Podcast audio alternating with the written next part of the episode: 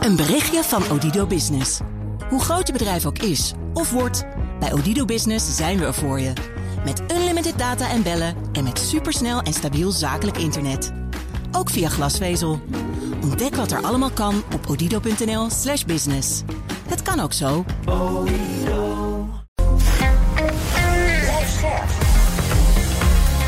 BNR Nieuwsradio. The Big Five. Paul van Liemt. Het is Oekraïne gelukt om verschillende gebieden te heroveren... en daarmee lijken de verhoudingen op het slagveld te kantelen. Hoe is het succes te verklaren en kunnen de Oekraïners dit volhouden? Rusland is inmiddels begonnen met vergeldingsacties. Met aanvallen op Oekraïnse steden wil Rusland laten zien nog altijd over slagkracht te beschikken. In welke fase is de oorlog terechtgekomen? Dat vraag ik aan vijf kopstukken in BNS Big Five van herovering van Oekraïne. Vandaag is René Jones Bos bij me, ze is voormalig ambassadeur in Rusland en in de Verenigde Staten. Welkom.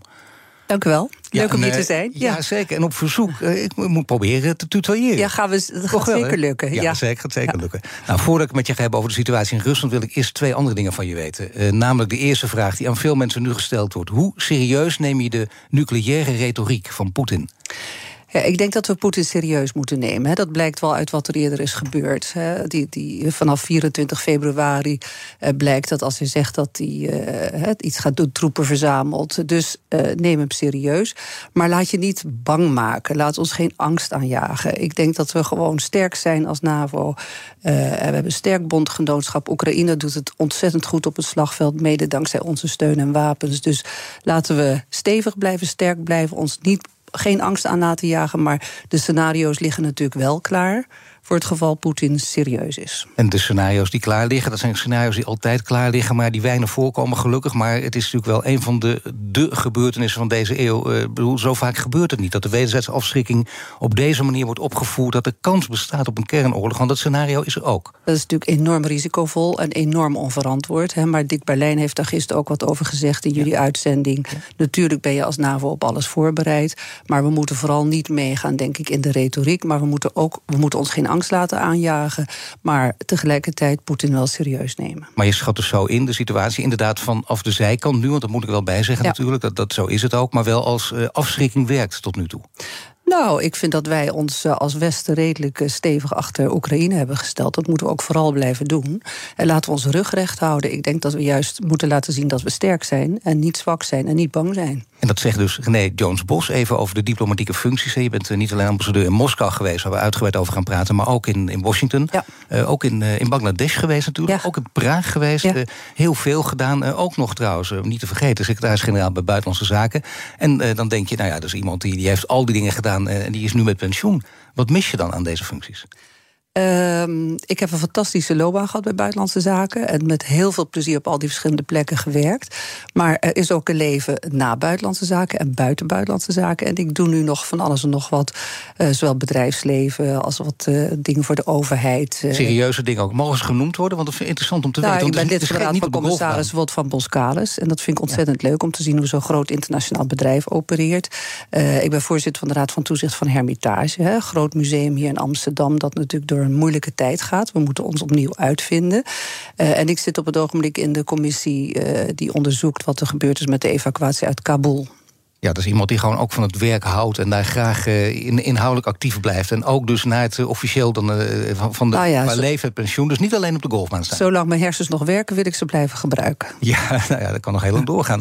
Tussen 2016 en 2019 toen woonde je als ambassadeur in Moskou. En ook in de Koude Oorlog trouwens een periode. Ik meen als landbouwattaché. Dus dat, is, dat was echt een andere periode. Wat is het beeld wat je in die periodes van Rusland hebt gekregen? Nou, de eerste keer was inderdaad als assistent van de landbouwattaché. Dat was mijn allereerste baan na afstuderen. En dan kom je echt in de Koude Oorlogstijd terecht. Hè. Ondoordringbaar, ijzeren gordijn, eh, grijze grauwe stad... geen enkel contact met de lokale bevolking. eh, veiligheidsdiensten over en weer die eh, elkaar haarscherp in de gaten houden. Je zat eigenlijk in een, in een bubbel... en je had heel beperkt contact eh, met de lokale bevolking. Nou, fast forward, eh, komen we terug in 2016. Uh, meer dan 30 jaar later. En dan is Moskou een schitterende stad. Er is ongelooflijk veel ontwikkeling geweest. Uh, mijn man is meegegaan naar Rusland. En we hebben heel veel bijvoorbeeld met onze eigen auto tochten door Rusland gemaakt. Maar incognito begrijp ik ook. Ja, gewoon met z'n tweeën. Ja. Waarom? Om het land beter te leren kennen. En niet alleen in officiële delegaties en bezoeken maar Autowin, uh, route gemaakt, uh, Booking.com, Google Maps erbij en het land in. En dat ging heel goed toen nog. Ik denk dat dat nu niet meer kan. Maar wat, wat was het idee toen? Hing er toen al iets in de lucht? Dat is natuurlijk heel makkelijk gezegd achteraf. Maar dat, dat, dat denk je natuurlijk wel, denk ik. Als je in die nou ja, periode, maar ik denk sowieso, als, als diplomaat wil je een land zo goed mogelijk leren kennen. En niet alleen de hoofdstad, want dat is altijd glitter en glamour natuurlijk. Maar ook wat gebeurt op het platteland. Dus we hebben een hele reis via plaatsen als Ariol en Tambov en uh, Samara naar de Wolga gemaakt. We zijn naar het noorden gegaan uh, met de auto. Maar kreeg je een dominante indruk toen van Rusland? Nou, een aantal dingen vielen op. Um, overal restauratie van kerken en kloosters. Dat was natuurlijk in de communistische tijd dat ik daar zat nauwelijks bestaand. Dat werd weggewerkt en, en kerken werden opslagloodsen en schuren. Uh, restauratie ook wel van oude steden. Er zijn veel 19e-eeuwse koopmansteden op dat platteland...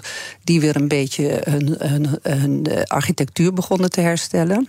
Het was één troosteloze ellende vroeger wegen waar langzaam maar zeker aan wordt gewerkt. Dus de infrastructuur maakte echt de indruk dat het uh, de goede kant op ging. Dat geldt voor de, voor de kleine steden. De dorpen is nog steeds ongelooflijk veel armoede. Uh, maar er hing niets in de lucht in die tijd. Je kunt ook nou, voelen, als je met je man eh, zeker daar reist, dan kun je ook erover praten met elkaar. Zeggen, nou, ja. ik zal dit nooit naar buiten kunnen brengen, zeker niet gezien mijn positie, maar ik voel dat er iets speelt. In het land niet en bij de mensen niet. Uh, in de politieke relatie wel. We hadden natuurlijk een hele moeizame politieke relatie.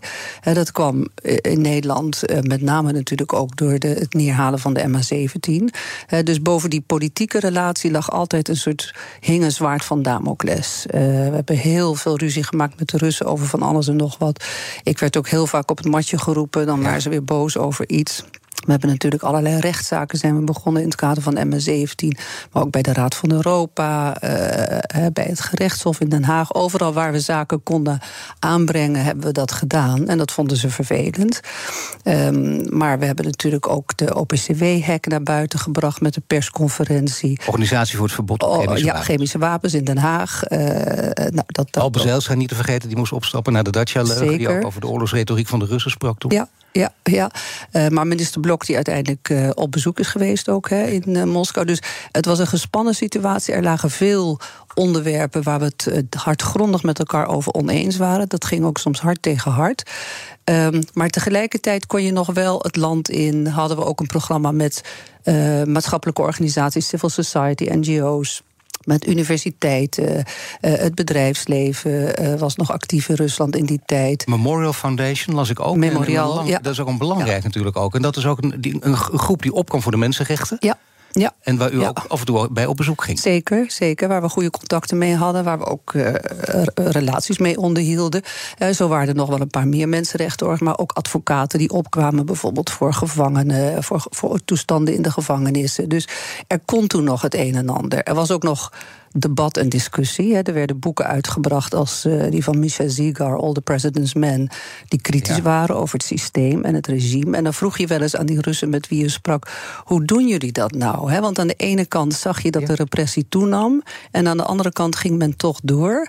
En ja, dan werd er wel eens gezegd: er zijn rode lijnen. Wij weten zelf ook niet altijd precies waar die zijn, maar ja, daar probeer je, uh, dat probeer je uit.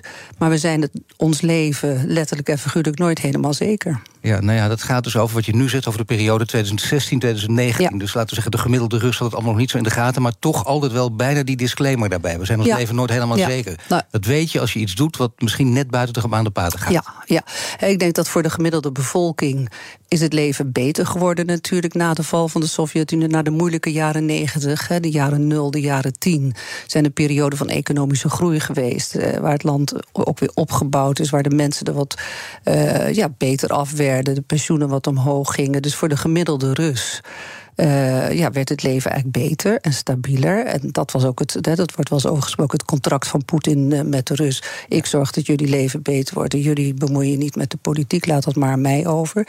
Maar je had natuurlijk altijd uh, een elite in de grote steden, maar ook op de universiteiten, die reisden, die gingen studeren in, in Europa of in Amerika. En die, ja, die andere denkbeelden erop nahielden. Poetin zelf heb je ook ontmoet natuurlijk, denk ik. Ja, niet anders met de overhandiging van de geloofsbrieven. En er staat mij in ieder geval wel bij, inderdaad, die foto's of die korte beelden van een, een, een vrouw die in ieder geval groter is dan Poetin, ja. de kleine man. Ja. En die, een vrouw die ook iets door de knieën gaat bij Poetin, wat, wat bij zo'n nee, macho man uh, nee. dat verkeerd. Ik ging niet door de knieën. Nee, nee, nee. Ik moest nee, gewoon zorgen knieën, dat ik mijn geloofsbrieven uh, in zijn handen kon overhandigen. Uh, dus ik heb mij keurig rechtop gehouden. En ik heb een, een klein eh, beweging naar voren gemaakt om de geloofsbrieven te onderhouden. Oh, nee, ik ben niet door de knieën. Nee, nee de knie is overgegeven, maar ook zelfs niet een lichte. Nee, een lichte dat is een, meer een elegante buiging dan ook echt uh, bijvoorbeeld echt vooroverbuigen of je kleiner maken. Ja, nee, nee, nee. Je probeert op een elegante manier de geloofsbrieven aan te bieden. Was er contact mogelijk met Poetin of niet? Ik vond het moeilijk in die tijd. Hè. Ik denk dat het echt anders was in de jaren nul. Uh, mijn voorgangers die daar in die periode hebben gezeten. Er was natuurlijk ook veel meer contact met de Nederlandse politiek. Hè, met ministers, met minister-presidenten. Er waren bezoeken over en weer. En in de tijd dat ik er zat, was het uh, na 2014, na de Krim-annexatie, na MA17. En toen was het beleid no business as usual. Hè. Het is niet, we doen niet alsof er niks aan de hand is. Dus er waren ook veel minder uh, bezoeken op hoog niveau. Dan heb je dus ook minder contact met de president. Ik toch nog één bezoekje, daar gaan we het zo over. Ja. The Big Five. Paul van Liemt. Mijn gast is René Jones-Bos, voormalig ambassadeur in Rusland. Dat is een bezoekje uit 2014, dat is allemaal de periode voordat je de ambassadeur was. Maar dat was natuurlijk, toen was er wel nog contact mogelijk. Ik herinner mij nog, en er zijn wel foto's van, uh, veel foto's zelfs. Uh, de koning uh, met een biertje naar de Olympische Spelen... of in het Holland Heinekenhuis met met Poetin. Jazeker, daarom zeg ik de jaren nul. En tot, uh, tot, dit was voor de annexatie van de Krim, voor uh, de bemoeienis in de Donbass en voor het neerhalen van MH17. Dus het is altijd wel goed, denk ik, om de dingen in zijn tijd te zien. Uh, maar er is natuurlijk ook een periode geweest dat het Westen enorm geïnvesteerd heeft in Rusland. Juist in de hoop en de verwachting dat het land zich in positieve zin zou ontwikkelen. Wandel door handel, dat is heel lang het idee geweest. Ook Angela Merkel, veel geprezen, begrijpelijk ook in al die periode dat zij aan de macht was. Mm. Kun je achteraf zeggen dat heeft ze verkeerd gezien, of moet je dat ook in zijn tijd plaatsen? Het, wandel dus dat is één aspect daarvan. Hè. Investeren letterlijk in bedrijven, economische ontwikkeling. Maar we hebben ook geïnvesteerd in, uh, wat ik net zei, civil society, NGO's, in universitaire samenwerking, ja. in uh, het, het, op, het, het wetboek van uh, civiel, civielrechtelijke teksten. Maar kun je dan zeggen, het heeft allemaal niet geholpen? Of is dat veel te kort door de bocht? Je, je, kan nu constateren dat het niet geholpen heeft, maar dat weet je natuurlijk niet altijd van tevoren. Hè. Ik denk dat de inzet toen een oprechte was. En daarom ben ik het ook niet eens als Rusland zegt van het enige wat het Westen eh, ooit heeft gedaan is ons in de hoek drijven en alleen maar de NAVO uitgebreid. Nee, ik denk dat het Westen, uh, zeker alle EU-landen, echt een oprechte poging hebben gedaan om het land te betrekken uh, bij Europa, bij de 21ste eeuw. Maar dat is toch niet. Maar hoe, hoe, komt het dan? Want dat, daar kunnen we echt van leren. Hoe komt ja. het dan dat die boodschap niet is overgekomen? Um, er zijn natuurlijk altijd keuzes. Hè? Een, eh, een, een, een, leiding van een land kan keuzes maken. Uh, Poetin heeft de keuze gemaakt om terug te komen als president in 2012. Uh, als, er, als hij zich had gehouden aan de twee termijnen, was het misschien anders geweest. Ik denk als je heel lang aan de macht bent. Uh, luister je misschien minder naar signalen, zit je meer in je eigen bubbel.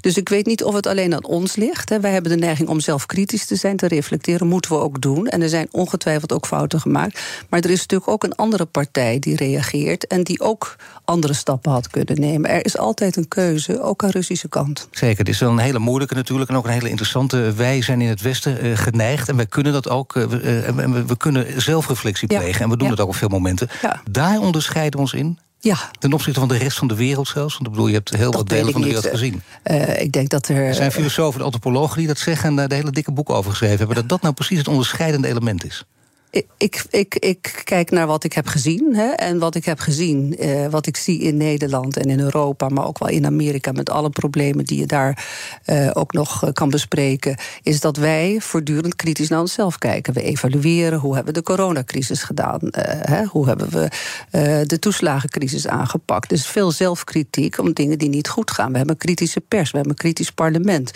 Dat houdt ons systeem voortdurend scherp. In Rusland is er geen kritische pers, nu al helemaal niet meer. Misschien toen ik er zat nog één of twee uh, radiostations en dat was het dan. Uh, er is geen kritisch parlement. Het parlement is een stempelmachine. Uh, en de macht wordt dus ook niet uh, ter discussie gesteld. Dan heb je ook geen tegenblik, geen, geen andere visie, geen discussie. En ga je geloven in je eigen, in je eigen realiteit. Nee, en Poetin wilde dat contract aan met de bevolking, wat heel lang werkte. Maar Annemarie van Gaal, die ken je waarschijnlijk ja. ook, jarenlang ondernemer in Rusland, die schreef in, in een telegraafcolumn, en ik citeer even: ik heb, dat gaat over de Russen. Zegt, ik heb de Russen leren kennen als een sterk en meelevend volk, maar onder Poetin zijn ze lam geslagen en monddood gemaakt. Ja. Is dat een herkenbaar beeld? Dat herken ik, want uh, je hoort ook van veel mensen die jaren negentig was moeilijk, maar Jeltsin, je kan van hem zeggen wat je wilt. En hij heeft zelf ook gezegd, Jeltsin deed overigens wel aan zelfreflectie. Hè. Ik heb een heleboel dingen niet goed gedaan. Maar er was wel uh, democratische structuren tot stand gekomen, een nieuwe grondwet. Uh, een kritisch parlement. Er waren nog satirische programma's. Hè, de, de, de, de bekende Koekli, de poppen. Dus in de jaren negentig was die beweging ingezet. Ik denk wat Poetin heeft gedaan is stabiliteit en rust hersteld. Wat aan de ene kant nodig was. Maar daarmee ook de bevolking eigenlijk een beetje uh, passief gemaakt. Ja, en bovendien heeft hij uh, ook de bevolking nog passiever gemaakt... door bijvoorbeeld Yeltsin, diezelfde Yeltsin... die zijn tegenstander was en werd, immuniteit te verlenen. Dat betekent dus dat, je, dat, dat de bevolking denkt: kijk eens even, wat een redelijke man. Ja, maar dat was 99. Hè. Dat was natuurlijk een, een hele. Ik denk dat, het, dat de hele traject van het passief maken van de bevolking. dat dat zich echt in de jaren 0, de jaren 10 heeft afgespeeld. Maar ben je zo langzamerhand in slaap gesukkeld? Of geef je dan te veel eer aan Poetin? Dat hij dat continu heel overbewust gedaan heeft? Misschien een beetje van allebei. Hè? Want je, je leest nu ook wel interviews met, met Russen, met, ook met jongeren. die dachten van ja, we hadden een comfortabel leven. Hè? Zeker in Moskou en Sint-Petersburg, in de grote steden, Novosibirsk, noem maar wat op. Uh, en we dachten dat gaat allemaal wel. En nou ja, weer een stapje erbij. Nou ja, dat overleven ook nog wel nog een stapje. Dat ze te lang misschien uh, inderdaad passief zijn geweest. En maar uiteindelijk. Heel lang. heel lang. ja. Maar ik bedoel zelfs tot een paar maanden geleden. Want als Zeker. je dan door Moskou wandelde Iedereen ja. die daar was, zei ook, nou, dat was, daar kon je gewoon lopen. Ja. Of er niets aan de hand was, dacht ja. de bevolking ook tot de mobilisatie. En, en, en, dan zeg je vanuit het Westen natuurlijk, kijk eens even, Poetin raakt in paniek en vandaar. En is dat de beste verklaring ook? Nou, ik denk dat je uiteindelijk een prijs betaalt voor geen actieve hè, participatie van, uh, van de burgers in, uh, in de regering en in het rijlen en zeilen van het land. En dat zie je nu gebeuren. En ik denk dat dat heel lang gesust is en dat mensen zich in slaap hebben laten sussen en dat dat nu niet meer kan. En nu zit je met de gebakken peren. En uh, Rusland dus ook op economisch gebied hard geraakt. Onder andere vanwege de westerse sancties, het terugvallende westerse vraag naar olie en gas. Ja. Maar waar in Rusland wordt dat als eerste gevoeld? Want dat weet je natuurlijk als je het hele land doorreisd hebt. Ja, ik denk dat, kijk, de inkomsten zijn er nog. Rusland zal echt niet meteen door de knieën gaan. En dat was ook, denk ik, ook niet de illusie die wij hadden met de sancties. Ik denk dat de sancties uh, langdurig effect zullen hebben. En ook over langere tijd effect zullen blijven hebben. Uh, de chips, hè, alles wat met technologie te maken heeft, met westerse kennis en kunde. Dat, dat uh, wordt nu natuurlijk niet meer toegepast, geïmporteerd in Rusland. Daar zul je een effect van gaan ondervinden. Ik lees ook al verhalen over bijvoorbeeld vliegtuigen die gecannibaliseerd worden om een paar in de lucht te houden. Hè, omdat de, de, de, de, onderdelen er niet meer zijn. Dus daar zal je het gaan voelen. Eten, Rusland is een heel groot land produceert veel graan, uh, heeft ook enorm geïnvesteerd in bijvoorbeeld kassen, in tomaten, in groenten. Uh, dus de bevolking zal niet meteen van de honger omkomen. Maar je zult wel zien dat het land steeds meer af gaat zakken economisch. En dat meer van de inkomsten naar uh, militaire productie zullen gaan. Dat allemaal economisch. Mobilisatie hakt er dus ook enorm in. Omdat er dan onrust ook binnenlands ontstaat. En dan is er ook uiteindelijk ook wel degelijk kritiek in het binnenland op tv-zenders. Tot voordien ongehoord. Maar nu ja. komt er af en toe wel wat naar buiten. Zijn dat allemaal hele belangrijke zaken die, die, die Poetin ook aan het wankelen brengen, of niet? Ik denk dat ze niet Poetin aan het wankelen brengen. Ik denk, we hebben gezien hoe keihard demonstraties worden neergeslagen in Rusland. Uh, al sta je maar met een leeg bordje op een plein, hè, of maar met een paar puntjes erop, dan word je al gearresteerd door de Omonde oproerpolitie. En dat gaat er allemaal niet zachtzinnig aan toe. Dus uh, demonstraties, opstanden, uh, vrijheid van meningsuiting wordt keihard aangepakt. Hè. Dus ik denk dat dat niet zozeer de zorg van Poetin is. Maar als bijvoorbeeld de moeders hè, van de soldaten. Ja ontevreden worden. En als, er in het, als het in de dorpen wat meer gaat broeien en rommelen. Ik denk dat ze dat wel heel goed in de gaten houden. Omdat ze dan ook zullen zeggen, de Russen, wacht even. Er was toch een afspraak. Wij bemoeien ons niet met politiek, maar dan zorg jij goed voor ons. Jij zorgt niet meer goed voor ons. En dan kun je opstand komen. Ja, dan moet je, als je in opstand komt, moet je dat met velen doen, met heel velen doen. bovendien moet je dan ook heel wakker en sterk in het leven staan. En dat is natuurlijk heel erg moeilijk, denk ik, nu voor de Russen. Ik denk dat dat heel moeilijk is. Hè. Je hebt gezien dat ze dat in de grote steden inderdaad geprobeerd hebben. Dat is dan vooral de jongere generatie. Uh, ik zie dat op het platteland niet zo gauw gebeuren, eerlijk gezegd. Het is ook natuurlijk een heel dun bevolkt land. Hè. Het is, heeft een achtste van het totale wereldoppervlak. Het is een mega groot land. En er wonen maar 140 miljoen mensen. En dat worden er steeds minder, want er is sprake van een enorme uittocht van uh, met name jonge en, goed opgeleide Russen. Dus dat krijg je ook niet zo snel bij elkaar. Dus als er iets gebeurt, en dat is bij alle opstanden en revoluties zo, is dat waarschijnlijk in de grote steden. En daar wordt, uh, en daar wordt iedere uh, uiting van protest keihard aangepakt. Ja, dat zal hij dus ook hoe dan ook doen. Ga daar maar vanuit dus dat hij voorlopig op dat gebied zeker uh, in het zadel blijft. Ja, het is natuurlijk een, een echt een politiestaat. Hè. Ik weet niet of je het boek kent, De Dag van de Oprichnik. Sorokin. Dat, dat is al in 2006 geschreven. Heel erg vooruitziend. en dat, dat gaat er eigenlijk, dat, dat, dat ziet op een maatschappij waar een soort grote leider is die alleen maar via een scherm communiceert. En keiharde uh, uh, inlichtingen en veiligheidstroepen die overal uh, tekeer gaan en het land in een keiharde greep hebben. Ja, kom daar maar eens onderuit als goedwillende burger. Nou, een boek met een vooruitziende blik en dan gaan we zo meteen verder praten. Maar even nog de titel van het boek is altijd interessant als je dit hoort. De dag van de oprichnik. Morgen is Robert Serri te gast. Hij is voormalig ambassadeur in Oekraïne. Abonneer je op onze podcast via je favoriete podcastkanaal om geen aflevering te missen. Straks praat ik verder met René Jones-Bos, voormalig ambassadeur in Rusland, over de diplomatieke banden met Rusland. Blijf. Een berichtje van Odido Business. Hoe groot je bedrijf ook is of wordt, bij Odido Business zijn we er voor je. Met unlimited data en bellen en met supersnel en stabiel zakelijk internet. Ook via glasvezel. Ontdek wat er allemaal kan op odido.nl/slash business. Het kan ook zo. Nieuw 10 is ook duidelijk voor pizzabakkers. Je vraagt lekker snel een zakelijke lening aan. Net zo snel als dat ik mijn pizza's bezorg. Duidelijk voor ondernemers. Nieuw 10. Je doelen dichterbij. Een initiatief van ABN AMRO.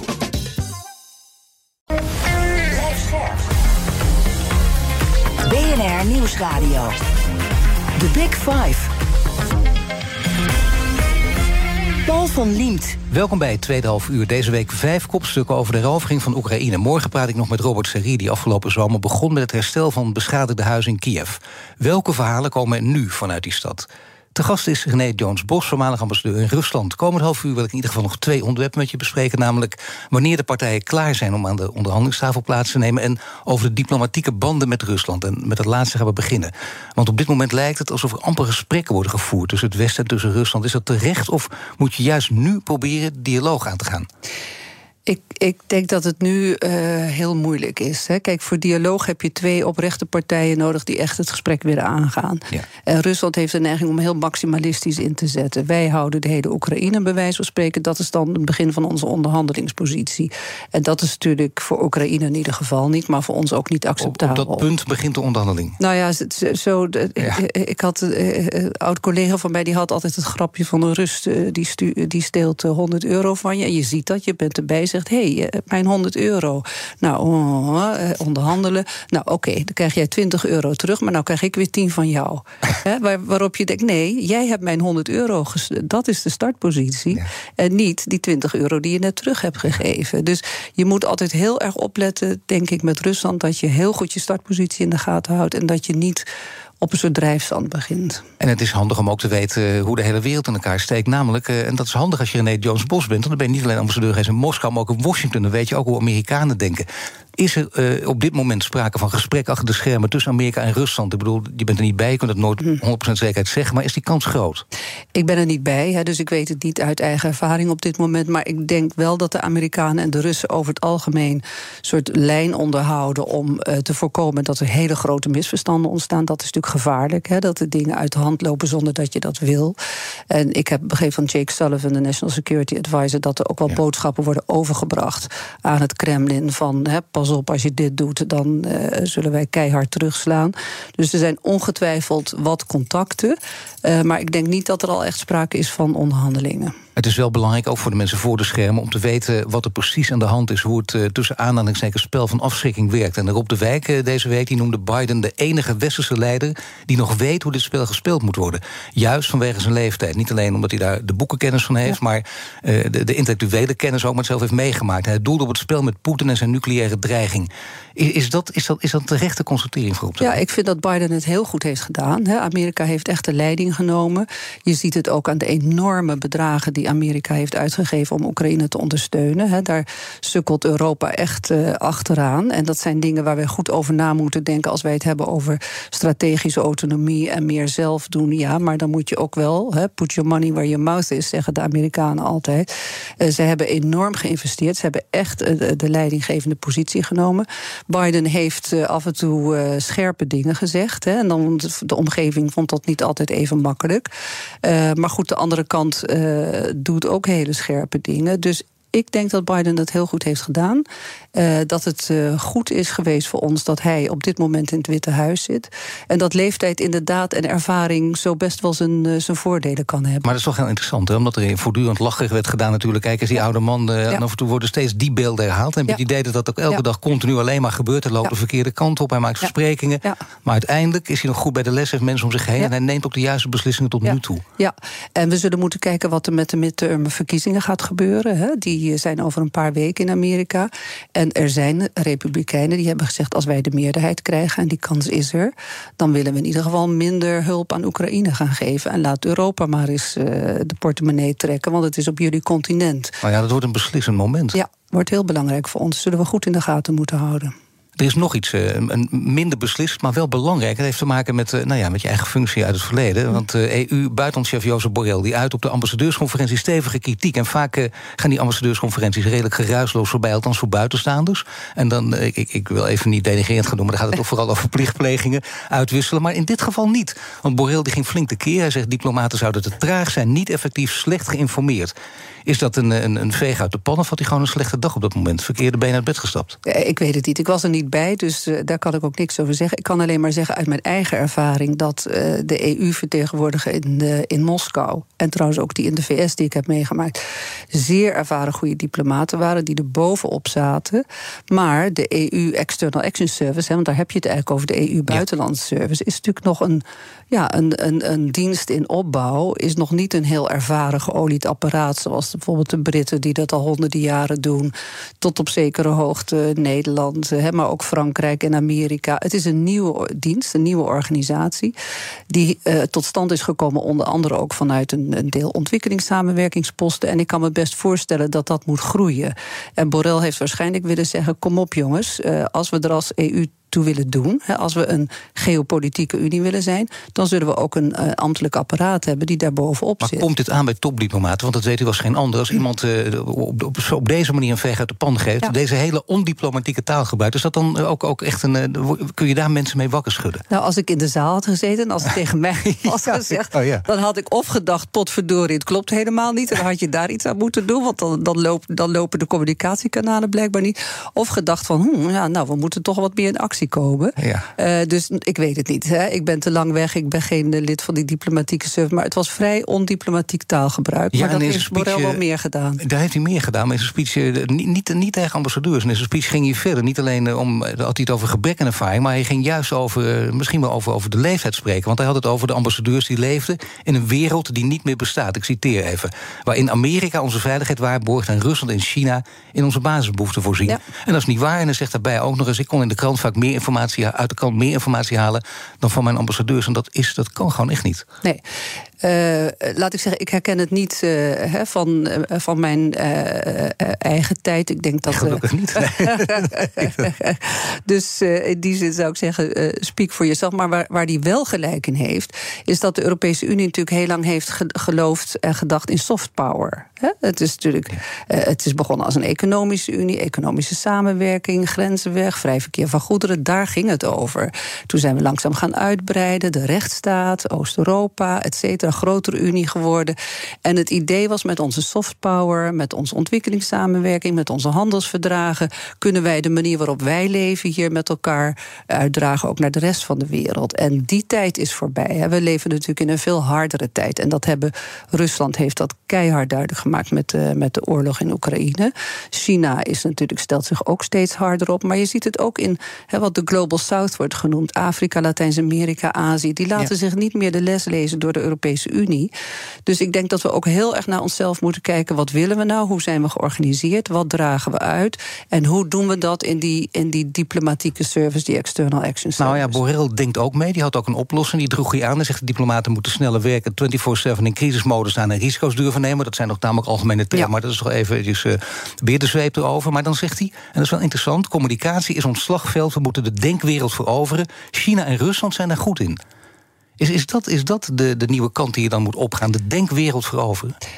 Um, ja, China en Rusland zijn daar goed in. Kijk, ze hebben natuurlijk een makkelijker taak, omdat het landen zijn hè, en niet unies. Uh, uh, wat mij heel erg opviel toen ik in Moskou zat, is bijvoorbeeld minister Lavrov is alle Afrikaanse landen uh, afgegaan, op bezoek ja. gegaan. Alle Latijns-Amerikaanse landen.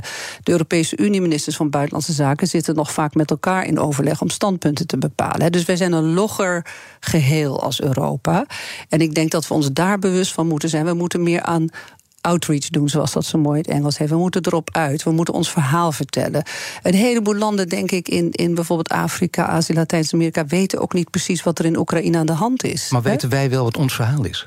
Um, ik denk dat we dat misschien nader moeten ontwikkelen. Ik denk dat we het impliciet weten. He, ons verhaal gaat over vrijheid, vrijheid van meningsuiting, vrijheid van vergadering, ook vrije handel, uh, respect, rechtsstaat, uh, vrije pers. Uh, maar ja, het wordt vaak met voeten getreden. Kijk naar de alle, alle schandalen in Nederland, alle parlementaire enquêtecommissies. Ik kan me voorstellen, daar maak je gebruik van als je Poetin bent. Dus moet je kijken wat daar bij jullie gebeurt. Nou ja, wat mij opviel op het Russische nieuws is dat alles wat wij hier laten zien, en dat is vaak kritisch, he, want ja. zo werkt ons systeem, werd daar gezien. Dus je zag de gele hesjes en je zag Black ja. Lives Matter. Ja, en je zag uh, de toeslagenaffaire. En je zag inderdaad Biden die uh, over vliegtuigtrapjes uh, struikelde.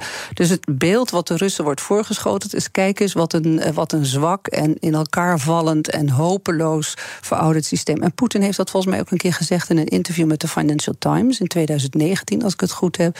Van jullie liberale wereldorde, die is aan het eind van zijn Latijn. Dus jullie zijn, jullie zijn zwak. Nou, dat zijn maar niet om ja. de denkwereld te veroveren. En daar moet je dan een goed verhaal tegenover stellen. Dat dit erbij hoort. Ja. Dat je dat niet voor ja. niets doet. En dat eigenlijk onvermoeibaar steeds maar blijft herhalen ook. En ik denk dat we daarmee bezig zijn. Maar ik denk wel dat dat veel moeilijker is met een Unie van 27 hè, dan met een eenheidsstaat. En tegelijkertijd is juist die samenwerking ook weer onze kracht. Maar het is met vallen en opstaan. Het is rommelig. Het is, het is niet snel. Het is niet to the point. Maar dat is iets, denk ik, waar we echt aan zouden moeten werken. Een beter duidelijk verhaal. Waarom zijn wij trots op wat we doen? En waarom doen wij toch nog heel veel goede dingen, ondanks alles wat er mis is? Ja, want die groei is toch belangrijk. De EU, uh, steeds meer landen willen erbij horen. Bij de ja. NAVO natuurlijk ook. Ja. Begrijpen wat de redenen zijn. Dan moet je dus dat verhaal steeds herhalen. En ja. even niet meer naar die verkiezingsuitslagen, die peilingen vooral kijken. ja, wat ik altijd ook interessant vond, is... er is geen enkele vluchteling die naar Rusland wil vluchten of naar China. Ze willen wel allemaal naar de Europese Unie, omdat het leven hier toch beter is, rechtvaardig. Met alle kritiek die je erop kan hebben. Dus uh, we zitten eigenlijk een beetje verwikkeld in, in ons eigen uh, verhaal. Hè? En dat zullen we wat scherper moeten krijgen, denk ik. Een berichtje van Odido Business. Hoe groot je bedrijf ook is of wordt, bij Odido Business zijn we er voor je. Met unlimited data en bellen en met supersnel en stabiel zakelijk internet. Ook via glasvezel. Ontdek wat er allemaal kan op odido.nl/slash business. Het kan ook zo. Nieuw 10 is ook duidelijk voor pizzabakkers. Je vraagt lekker snel een zakelijke lening aan. Net zo snel als dat ik mijn pizza's bezorg. Duidelijk voor ondernemers. Nieuw 10. Je doelen dichterbij. Een Een initiatief van ABN AMRO. BNR Nieuwsradio. The Big Five. Paul van Liemt. Je luistert naar BNS Big Five van de herovering van Oekraïne. Eerder deze week sprak ik met Frans Ozinga, hoogleraar oorlogsstudies over de militaire strategie. Terug te luisteren via bnr.nl en de bekende podcastkanalen. Mijn gast is René Jones-Bos, voormalig ambassadeur in Rusland.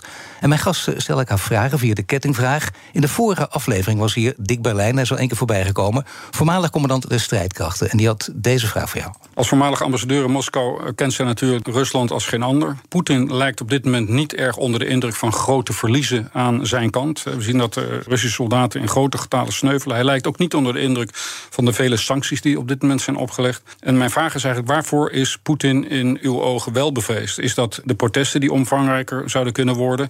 En hoe groot schat u in dat dat, dat gaat gebeuren? En hoe ziet dan de toekomst van Rusland eruit? Uh, ik vrees uh, dat uh, Poetin niet zo snel bang is. En dat, is, dat maakt het juist zo ingewikkeld. Hè. We hadden het er eerder al over.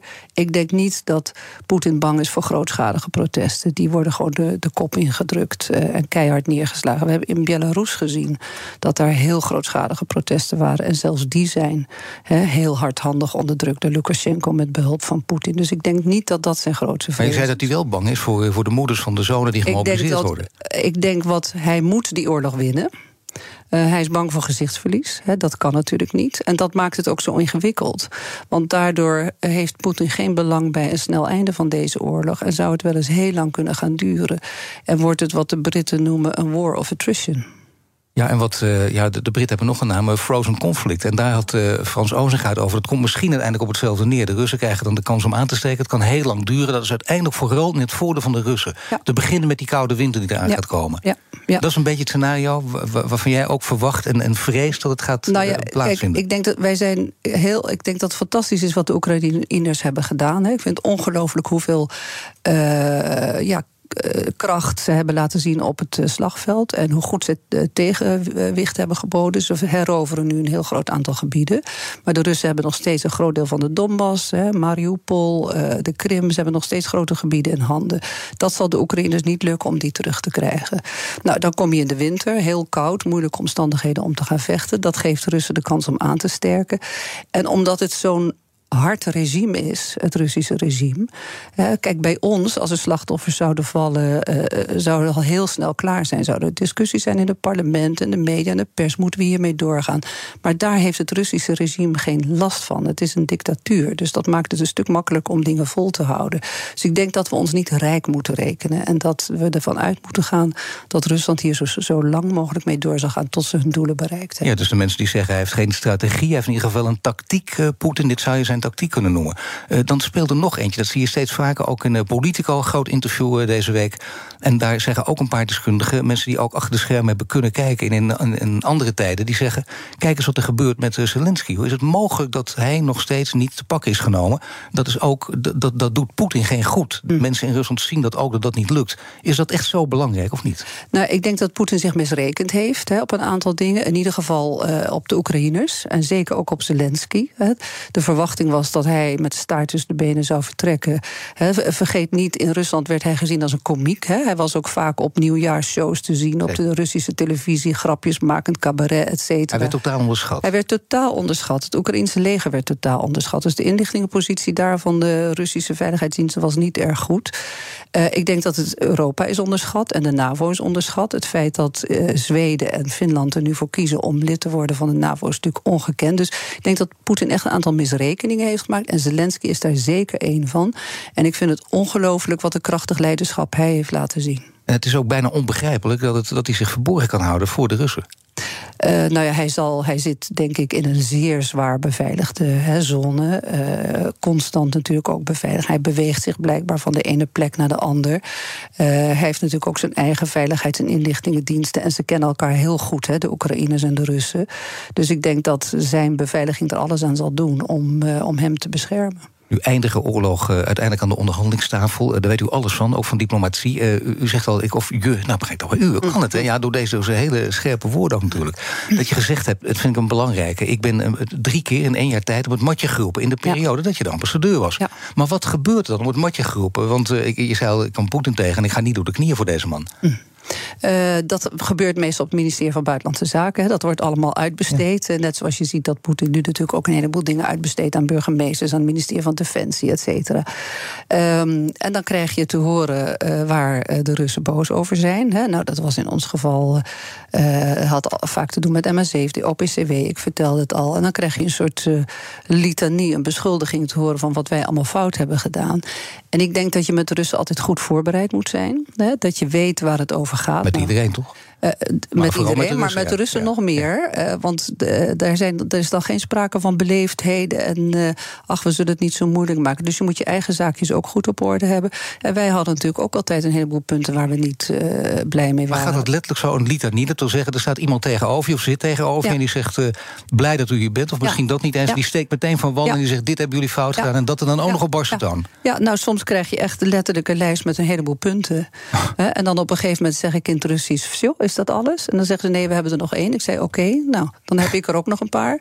He, dus ik, ik, denk dat je. Je moet zelf ook altijd een lijst dus, uh, gewoon in je mouw hebben. Hoe dat is wat ik deed. Hè. Je, je, je, moet, uh, je moet altijd inschatten natuurlijk wat de situatie vraagt. Maar ik denk dat heel belangrijk bij de Russen is goed voorbereid, kennis van zaken. Dat hebben zij ook, want het is een professionele diplomatieke dienst. Je niet laten intimideren en zorgen dat je naast dat zij hun punten brengen, dat jij ook met je eigen punten kan komen. Het helpt dus je dat je de taal goed spreekt. Want je zegt in het Russisch daar, je spreekt zes talen, geloof ik ook. Maar dan Russisch ook echt vloeiend Russisch? Ja, nee, ik deed dat soort. Uh, uh, als ik op het matje werd geroepen, ging dat altijd in het Engels. Want je wil zeker zijn dat je de goede woorden gebruikt, dat je niet struikelt, dat je geen grammaticale fouten maakt. Dus dat zou ik nooit in het Russisch doen. Dat is veel te risicovol. Wat, wat is aan te raden bij, bij een dialoog? Hart tegen hart? Want je vertelde net de, de prachtige anekdote inderdaad over die 100 euro. Zo, ja. zo gaat het. Dus daar ja. moet je gewoon op instellen. Dat is, zo wordt het spel daar gespeeld ook. Ja. En zo moet je tegen elkaar aan de tafel zitten. Kun je het dan toch aan de tafel uiteindelijk winnen? Want daar zal het toch moeten? Nou ja, je, het, het, als je ziet hoe oorlogen afliepen, dat was toch meestal met een overwinning. Hè? Want er wordt gezegd aan het eind van de Eerste Wereldoorlog hè, zijn er ook onderhandelingen geweest. Ja, dat was nadat uh, de ene partij verslagen was door de ander. Hè? Dat lijkt mij hier ingewikkeld worden, eerlijk gezegd, omdat ze elkaar zo in evenwicht houden en dat het lang kan gaan duren. Uh, maar je moet niet, denk ik, wanhopig zeggen van wij willen aan de onderhandelingstafel. Ik denk dat we eerst moeten kijken wat Oekraïne wil. Nou, Zelensky heeft redelijk duidelijk gemaakt, zelfs dat vastgelegd, dat hij eigenlijk niet met Poetin aan de onderhandelingstafel wil. Natuurlijk zijn er pogingen. Turkije heeft een belangrijke rol gespeeld ja. bij die voedselexporten. om dat toch mogelijk te maken. Misschien moet je het opbouwen van een aantal kleinere onderwerpen. Klein tussen aanhalingstekens, want voedsel is natuurlijk ook een heel belangrijk onderwerp. Maar de illusie dat je nu aan tafel moet gaan zitten en dat je tot een oplossing uh, gaat komen, zo werkt het niet. Dus je moet denk ik wat contacten onderhouden. Dat zullen de Amerikanen ook zeker doen. Je moet op een aantal onderwerpen misschien kunnen gaan samenwerken. Je ziet ook dat de Russen en de Oekraïners wel samenwerken op gevangenen uitruil. Uh, en, en zo bouw je dat dan op. Mijn gasten stellen elkaar vragen via de kettingvragen. Je mag een korte, bondige vraag stellen aan de volgende gast. Het is Robert Serri, de eerste ambassadeur in Oekraïne... en voormalig topdiplomaat bij de VN. Wat zou je hem willen vragen?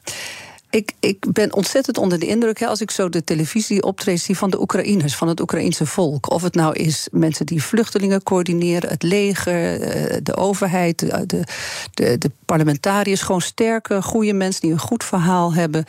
En dan vraag ik me af, was dat altijd al zo? Hebben wij iets gemist uh, tot deze tijd? Want in Nederland werd de indruk altijd gewekt... het is een heel verdeeld land, uh, het is een corrupt land... Het had een vrij negatieve reputatie over het algemeen. En alles wat ik zie van Oekraïners ben ik vol bewonderen... en denk ik, wauw, fantastisch hoe zij zich collectief, gezamenlijk uh, lijken op te stellen tegen die uh, Russische aanval. Dus ik ben benieuwd wat Robert Serri daarvan vindt. Was dat er altijd al aanwezig en zagen wij het niet? Of heeft het zich sterk ontwikkeld door deze oorlog? Hartelijk dank. Nee, Jones Bos, voormalig ambassadeur in Rusland. Alle afleveringen van BNS Big Five zijn terug te luisteren. Abonneer je op onze podcast via onze app of je favoriete podcastkanaal om geen aflevering te missen. En nu Iwan Verrips met BNN Breed. Dag. Een berichtje van Odido Business. Hoe groot je bedrijf ook is of wordt, bij Odido Business zijn we er voor je. Met unlimited data en bellen en met supersnel en stabiel zakelijk internet. Ook via glasvezel. Ontdek wat er allemaal kan op odido.nl/slash business. Het kan ook zo.